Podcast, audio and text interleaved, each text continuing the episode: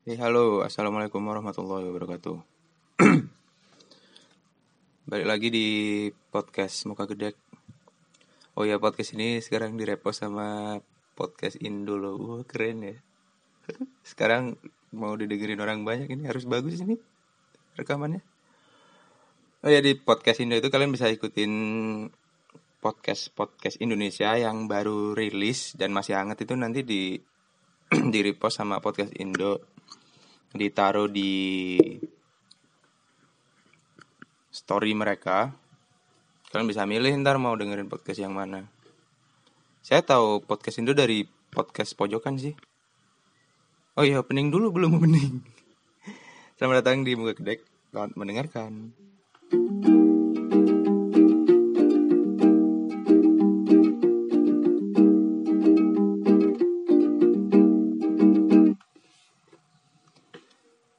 Buat kalian yang baru gabung, jadi podcast Muka Gede ini membahas hal-hal tentang pendakian dan juga komik yang telah ditulis oleh Muka Gede yang judulnya adalah katanya mau muncak. Sekarang udah nyampe ke episode berapa ini? Udah nyampe episode 26 dan 27. Buat yang baru dengerin jadi 15 menit pertama kita akan bahas tentang komik itu tadi. Komik katanya mau muncak. Dan 15 menit berikutnya ada beberapa pertanyaan dari pembaca. Jadi langsung aja nih kita langsung bahas komiknya aja. Jadi di episode 26 ini itu menjelaskan tentang outfit yang bagus yang direkomendasikan ketika kalian summit ya summit waktu muncak doang waktu udah mau ke puncak Mahamerunya itu.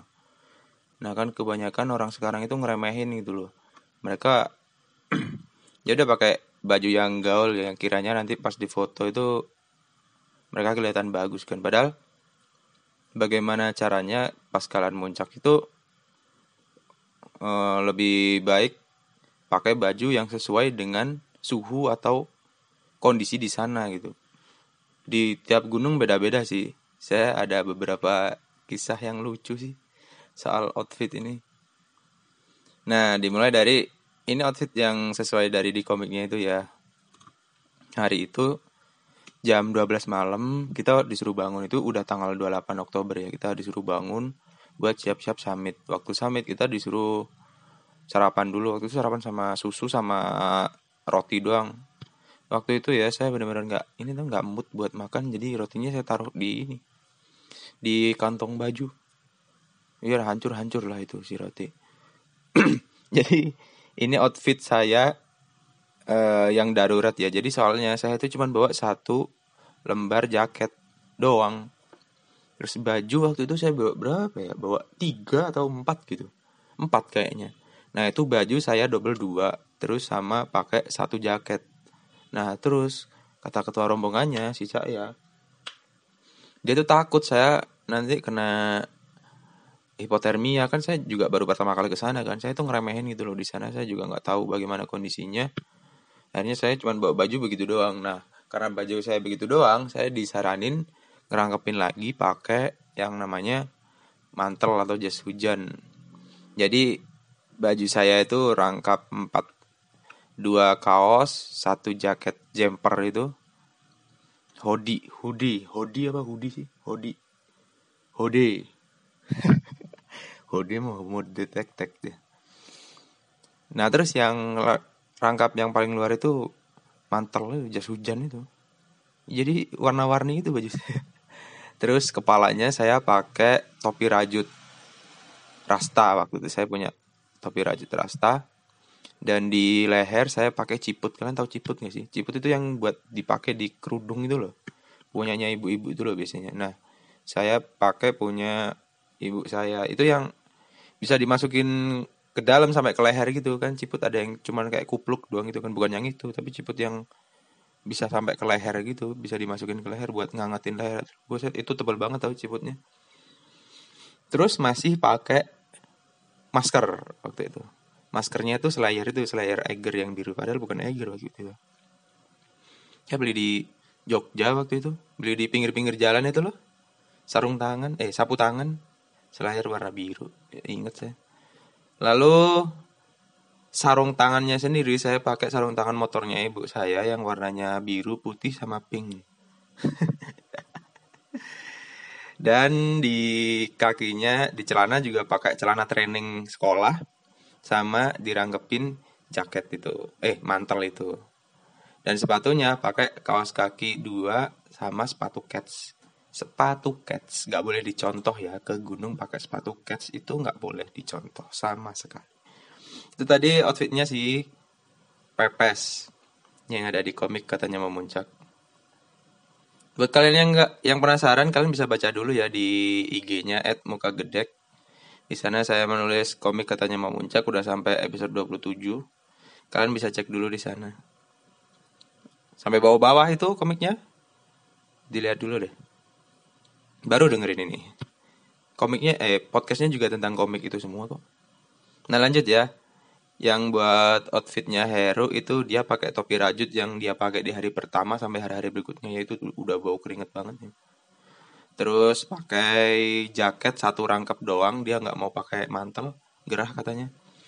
Terus penutup hidungnya itu dia pakai lap kain dapur yang kotak-kotak merah-merah, kotak-kotak merah-merah itu loh, kalian gak? Yang biasanya buat serbet. Terus dia nggak bawa sarung tangan, akhirnya dia pakai kaos kakinya bendot Bendot itu bawa kaos kaki futsal tiga atau dua pasang gitu tiga pasang atau dua pasang gitu nah itu dipinjam Heru buat ditaruh di tangan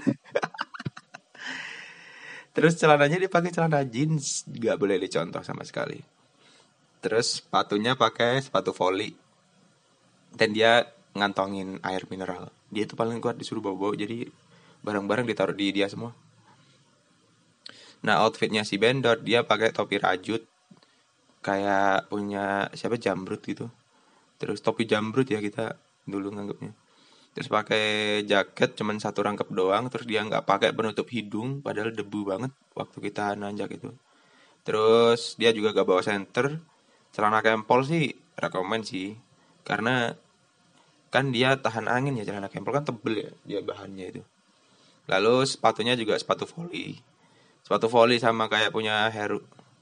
Nah, itu semua nggak boleh dicontoh yang barusan saya sebutin itu. Outfit yang benar itu, outfit standar yang harusnya kalian pakai waktu kalian mendaki gunung itu, pertama, pakai peralatan penerangan kan headlamp. Headlamp itu senter yang nempel di kepala itu loh. Kenapa nempel di kepala dan nggak dianjurkan yang di tangan? Itu di dianjurkan ya waktu kita melakukan pendakian entah trekking entah lagi summit tangan itu harusnya kosong nggak pegang apa-apa paling pegang track pull doang track pull itu yang penyangga itu ya kayu juga boleh gitu. Jadi kita kalau mau pegang sesuatu mau pegangan sama sesuatu itu gampang. Jadi tangan itu jangan sampai bawa apa-apa deh kalau bisa. Nah pertama headlamp paling penting lah soalnya buat summit ya. Summit ke Mahameru ya Mahameru. Sebagai catatan ini ke Mahameru. Lalu yang berikutnya pakai topi rajut terus di dalamnya pakai buff dan boleh ditambahin shawl di leher. Kenapa kita itu harus selalu pakai penutup hidung? Bahkan waktu tidur seharusnya kita juga pakai penutup hidung tahu waktu mendaki gunung itu. Soalnya tidur di tenda ya. Soalnya kita itu nanti kena ini loh hawanya tanah. Jadi tanah itu dibawa di atas tanah beberapa meter di atas tanah, beberapa senti di atas tanah itu tanah mengeluarkan kayak udara lembab gitu loh. Nah, itu yang bakal kehirup ke hidung kita. Nah, kenapa kita harus pakai penutup hidung? Buat nyaring itu semua, buat nyaring molekul-molekul air itu. Nanti kalau udah kesedot ke hidung, nanti akan masuk ke paru-paru dan kita bisa kena paru-paru basah. Nah, itu yang nggak boleh, makanya waktu kita tidur di tenda pun kita seharusnya pakai penutup hidung. Dan waktu pendakian, waktu summit kita pakai buff itu fungsinya buat menyaring debu waktu daki semeru itu pasir semua tuh nah kita pakai buff supaya nggak kemasukan debu hidungnya. Dan juga biar nggak kena hawa dingin. Jadi udara panas yang kalian keluarkan dari hidung kalian itu terperangkap di buff kalian. Nah buff kan nyampe ke leher tuh ada sialnya juga. Nah nanti panasnya bakal kesalur ke sana dan kesimpan di sana. Jadi panas tubuh yang kalian keluarkan dari hidung itu nggak kebuang sia-sia gitu. Itu fungsinya kita pakai buff. Nah berikutnya pakai jaket parasut. Gak di double gak di double nggak apa-apa. Pokoknya pakainya jaket parasut. Soalnya jaket, jaket parasut itu udah nahan dingin. Nahan dingin sama nahan angin dari luar lalu dia menyimpan panas tubuh kalian dari dalam. Kalau saya ya biasanya tuh saya suka pakai jumper itu kan hoodie itu. Yang tipis itu jadi dalamannya itu saya pakai kaos lalu pakai jaket tipis. Yang kain itu hoodie itu, jumper itu, lalu kemudian di luarnya pakai jaket parasut. Itu kalau udah standar. Nah, seharusnya seperti itu. Tapi kan yang di komik ini kan saya waktu pertama kali ya. Nah, kemudian celananya celana kempol anti angin. Ada tuh kayak brand-brand ternama tuh kayak Eger Eger, Consina dan lain-lain itu ngeluarin kok celana gunung. Kalau saya pakai celana apa aja sih? Celana pokoknya jangan celana jeans aja. Dingin dinginnya itu terperangkap di sela-sela kainnya gitu loh kalau jeans itu. Jadi dinginnya nggak bisa lepas gitu. Tapi kalau celana kain celana parasut itu hangatnya badan kalian itu terperangkap di kainnya. Jadi dia nggak bisa keluar dan dinginnya nggak bisa masuk gitu ceritanya. Terus kaos kaki rangkap dua. Kenapa saya rangkap dua? Karena kita kan bawahnya pakai sepatu boot ya meskipun sepatu boot yang bagus sih kayak punya Eger-Eger gitu kan. Tapi kalau pakai kos kaki rangkap satu takutnya ini lecet kaki kita. Kan soalnya kita kan nanjak terus jadi kakinya gerak terus. Nah makanya saya biasanya pakai dua kaos kaki biar empuk. Nah itu tadi outfit yang harus kalian pakai atau kostum yang harus kalian pakai ketika kalian mendaki gunung Semeru ya dalam kasus ini Semeru. Soalnya, jadi kan waktu itu habis dari Semeru ya beberapa bulan kemudian itu saya pergi ke oh jauh deh mungkin setahun kemudian atau dua tahun kemudian. Saya itu setahun kemudian kayaknya. Saya itu pergi ke Arjuno Arjuno Malang Arjuno Walirang. Jadi saya ke summitnya ke puncaknya saya samain kayak ke Semeru. Ternyata saya salah kostum saya kan summit jam berapa ya? Jam 3 atau jam 2 pagi gitu. Dari Lembah Kidang. Jadi saya naiknya dari Tretes ya. Dari pos pet bocor, kop-kopan, terus pos apa namanya? Pondokan, habis Pondokan Lembah Kidang. Nah, kita diri tenda di situ habis itu rencananya summit ke atas. Ternyata puncaknya masih jauh. Masih jauh banget.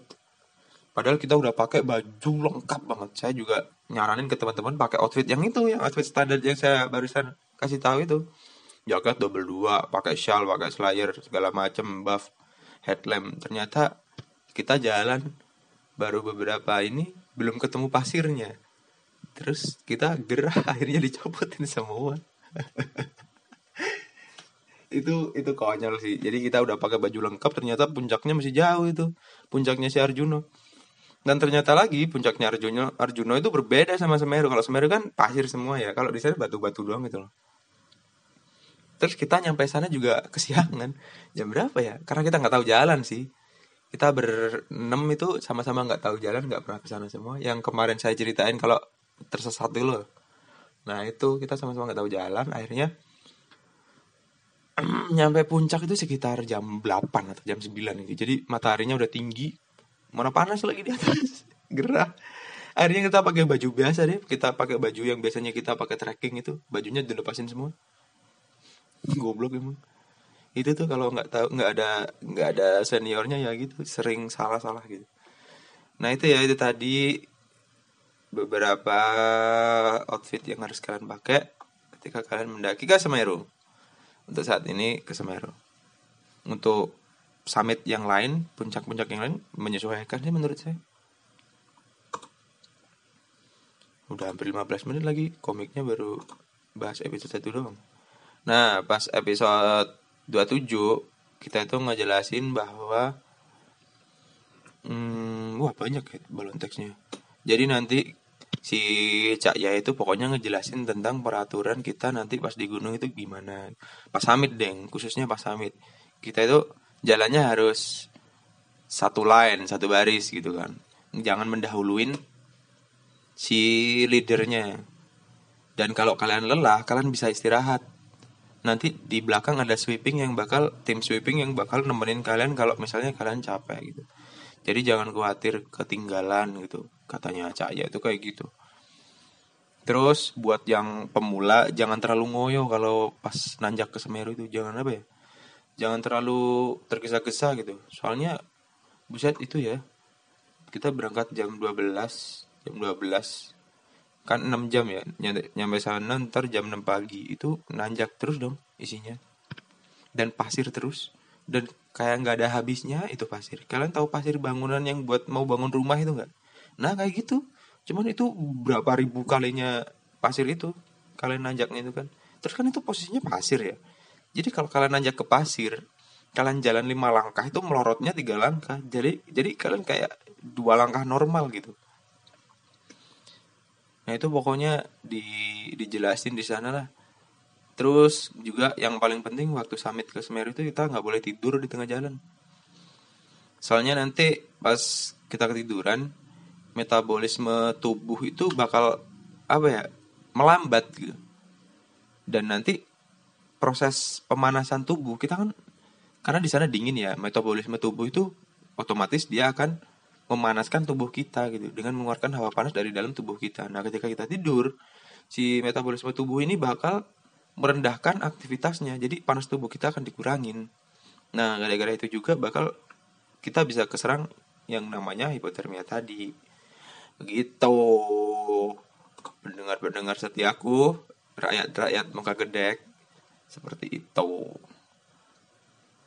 Itu sih dari episode 27 eh 26 dan 27. Buat selanjutnya silahkan menunggu lah, udah 17 menit ini. Oke, kita masuk ke sesi tanya jawab dari rakyat-rakyat jelata ini yang kurang kerjaan. Wow, pertanyaannya banyak banget sekarang, cuma tiga orang. yang pertama dari Ndao. What does relationship mean for you? a relationship for me is just a relationship apa sih menurut kamu apa arti sebuah hubungan? Gitu ya bahasa Indonesia nya dia soal-soal ngomong pakai bahasa Inggris ya padahal pendengar kita itu bahasa Inggrisnya goblok-goblok. Kan kalian goblok nggak sih bahasa Inggris? Kalau nggak goblok nanya pakai bahasa Inggris dong. Jadi artinya apa pentingnya sebuah hubungan menurutmu? Itu mungkin ya. Ini hubungan apa dulu? Hubungan hubungan apa? Hubungan guru ke murid? Apa sahabat dengan sahabatnya atau hubungan pertemanan atau hubungan perpacaran atau hubungan saudara keluarga apa hubungan darah hubungan kerja apa relationship yang mana mungkin maksudnya yang pacaran ya jadi nanyanya mungkin apa artinya pacaran buat kamu? Hmm, menurut saya sih nggak perlu ya pacaran itu. Buset, nggak perlu ya? Iyalah. Pacaran tuh menurut saya ini sih kegiatan, kegiatan pacaran. Kalian pergi berdua, aduh goblok apa tuh jatuh. Kalian jalan berdua gitu, mesra-mesraan gitu. Mungkin itu ya pacarannya. Cuman menurut saya hal-hal seperti itu nggak penting sih menurut saya. Tapi kalau hubungannya, hubungan kamu sama pacarmu itu, ya selama kamu percayalah sama pasanganmu itu, apa pun itu gampang sih menurut saya. Kayak misalnya nih, pacar kamu jalan sama cowok lain gitu kan. Dia jalan sama cowok lain terus ya selama kalian trust sama dia, kamu percaya sama dia sejauh mana dia bakal memperlakukan orang lain, menurutku hubungan itu bakal nggak kenapa-napa sih kalau misalnya kamu nggak percaya kamu bakal nanya itu cewek siapa gitu kok kamu jalan sama dia? Kamu udah nggak sayang sama aku? Weh, itu pacaran kayak gitu itu saya pingin nandangin satu-satu tahu mukanya orang-orang kayak gitu itu. Kalian itu sudah sudah pacaran sudah percaya lah anggapannya percayalah sama dia gitu kan buat ada di kehidupan kalian gitu. Terus kalian masih nanyain ber, apa ya hal-hal hal-hal yang mencurigakan lah atau apalah itu berarti kalian nggak percaya dong itu berarti hubungan kalian nggak sehat udah begitu menurut saya ya itu itu sih menjawab nggak? Oke next pertanyaan dari Montel 13 Mantan pinjam carrier pas ngembaliin kok jebol. Dulu hati aku dibikin jebol. Baiknya gimana gitu. Ya yang penting kamu ikhlas dong minjeminnya. Yang penting kan dia kebantu dulu dengan carrier yang udah kamu pinjamkan itu gitu. Kamu udah berbuat baik dengan itu. Masalah dia balikinnya jebol, berarti kan dia berbuat jahat. Ya udah, perbuatan jahat itu bukan urusan kamu. Urusan kamu itu ya kamu minjemin carrier kamu ke mantan kamu itu, ke santan kamu, santan Kara itu, dan udah kembali, meskipun jebol gitu. Nah kalau jebol gimana? Ya kamu jahit lah. Masa kamu kamu jebol, eh masa tasnya jebol kamu diemin doang, nggak bisa dipakai lantai. Saya tuh sering juga sih minjem minjemin barang-barang itu ya, dan kebanyakan rusak semua baliknya. barang-barang saya ya ada headlamp dipinjem hilang terus ada tas carrier dipinjem atasnya sobek terus ada tenda dipinjem uh, frame-nya patah. Udah macam-macam lah. Tapi menurut saya sih ya udah yang penting mereka kebantu dulu gitu masalah itu balikinnya kemudian rusak kan juga mereka nggak nggak dengan sengaja ngerusakin itu kan. Terus masa kita begini gara-gara aku pinjemin ke dia akhirnya rusak nih tahu gitu nggak aku pinjemin? Nah itu salah. Ya siapa yang tahu gitu loh itu bakal rusak. Ya udah selagi kalian punya terus ada orang yang butuh ya udah pinjam pinjemin aja masalah nanti rusak terus jebol sobek dan lain-lain itu urusanmu buat benerin. Urusanmu buat benerin itu ya kayak gitulah pokoknya. Baiknya begitu jebolnya itu kamu jahit lagi. Jangan didiemin. Masa kamu tas dijebolin kamu diem diem aja. Kan santanmu itu juga orang yang pernah berada di hatimu. Jadi ya masalah dong kamu bantu dia meskipun dia statusnya sekarang sebagai santan goreng itu gitu ya Montel 13 Montel 3 atau Montel 13 sih ini nggak jelas itu ah, nama akunmu tuh yang berikutnya Oh, no mention name. Selamat pagi, Min. No mention name ya. Mau tanya dong, sebenarnya orang dapat atau mens itu boleh mendaki gunung gak sih? Um, menurut saya boleh-boleh aja selagi kalian kalian jaga itu ya roti yang kalian pakai buat mensnya itu ya. Jadi kalian simpan jangan buang di gunung atau jangan dibuang di tempat sampahnya pos pos-pos pendakian. Mending kalian bawa pulang aja deh itu roti-roti yang kalian bawa itu. ini saya bakal bahas dari dua segi pandangan ya. Yang pertama dari anggap aja orang normal. Kalau kalian buang roti roti itu itu loh pembalut kalian itu loh. Kalau kalian buang roti itu sembarangan itu kan orang juga jijik buat ngambil kan akhirnya roti kalian bakal bersemayam di sana lama gitu nggak ada yang bakal buat ngambil juga terus kan itu bahannya kan kayaknya itu bahan yang susah buat apa ya buat larut gitu loh ke tanah. Bukan gampang terurai gitu kayaknya bahannya itu. Pembalut itu. Nah kalaupun kalian apa ditimbun dengan tanah juga sama aja kan itu tetap tetap jadi sampah di situ meskipun kalian ya, meskipun nggak kelihatan dari atas ya misalnya kalian gali lubang gitu terus kalian buang di dalam tanah gitu terus kalian timbun kalian kubur gitu. Ya meskipun nggak kelihatan dari atas cuman kan itu tetap sampah itu. Terurainya juga lama. Nah lalu kalau kalian buang di pos pos-pos juga misalnya di posnya Ranu Kumbolo tuh ada tempat sampahnya tempat sampah umum gitu. Kalian buang di sana. Kalau menurut saya ya ini menurut saya pribadi ya di samping di samping itu adalah pembalut ya menurut saya sampah yang semua kalian bawa itu seharusnya kalian bawa turun bukan dibuang di tempat sampah umumnya si pos itu tadi. Kalian tahu nggak di Semeru itu dulu ya itu sampai ada loh gerakan buat cuman buat ngambil sampah yang kalian timbun di belakang pos itu. Nah dulu saya masih sering ikut sekarang udah enggak nih.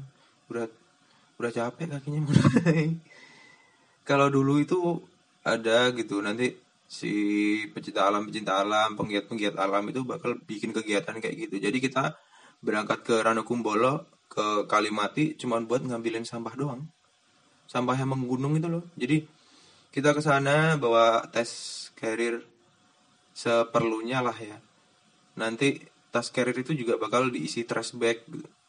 Waktu itu terbanyak tuh saya bawa tiga kantung trash bag. Itu ringan sih. Sampah kering semua kayak plastik-plastik gitu satu taruh samping eh dua taruh sampingnya carrier itu di pokoknya diikat gimana caranya lah biar bisa keikat kan. Lalu yang satu lagi ditaruh di atas carrier. Jadi udah kayak ini kayak kontainer gitu kayak reok. Kalian tahu reok nggak? Nah kayak begitulah intinya. Jadi kalau bisa apa pun sampahnya itu ya jangan dibuang di tempat sampahnya. Tempat sampahnya pos kalian itu pos pos pos pendakian itu entah pos Kalimati, pos Kumbolo, entah di gunung-gunung lain. Pokoknya jangan lah. Nah, itu kan dari sisi normalnya ya.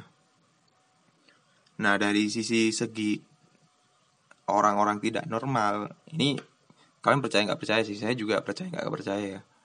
Jadi di setiap gunung itu kan selalu ada penghuninya. ada ada makhluk halus lah ya. Jadi kenapa mereka itu banyak di pegunungan? Karena di perkotaan udah ada kita, udah ada manusia.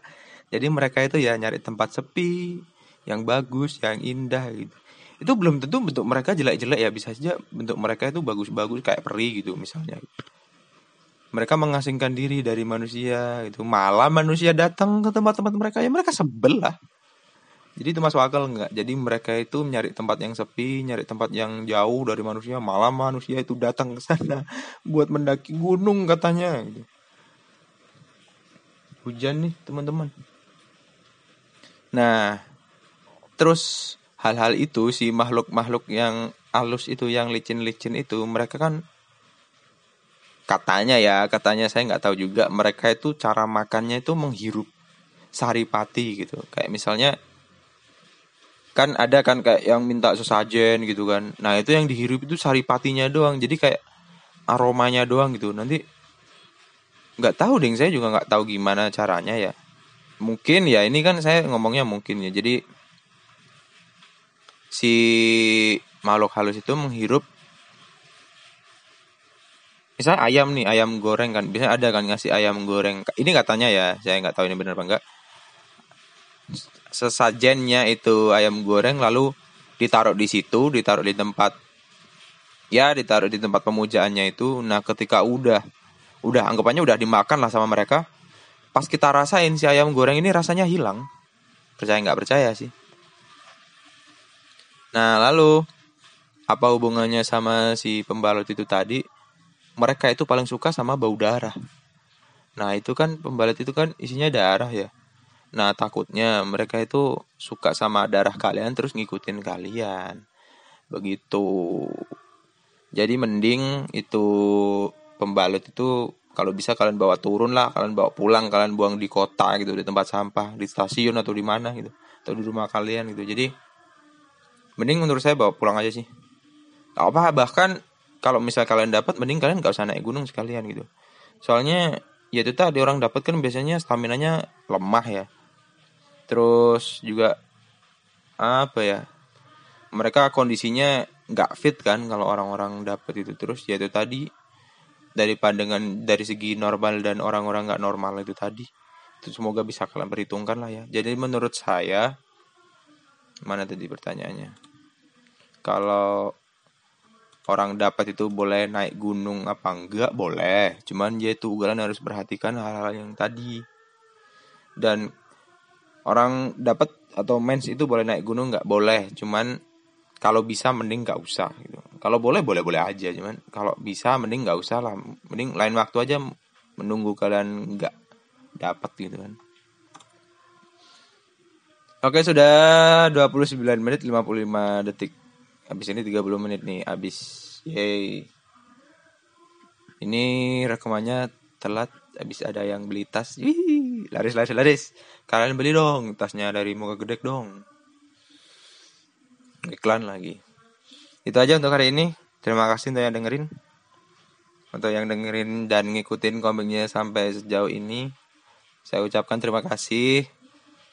Jangan lupa di like di share mungkin ada orang yang membutuhkan informasi ini atau informasi di komik buat kalian yang terus dengerin ini, dengerin di rumah, dengerin di kantor, dengerin di KRL perjalanan pulang, dengerin di sebelum tidur, makasih lah ya.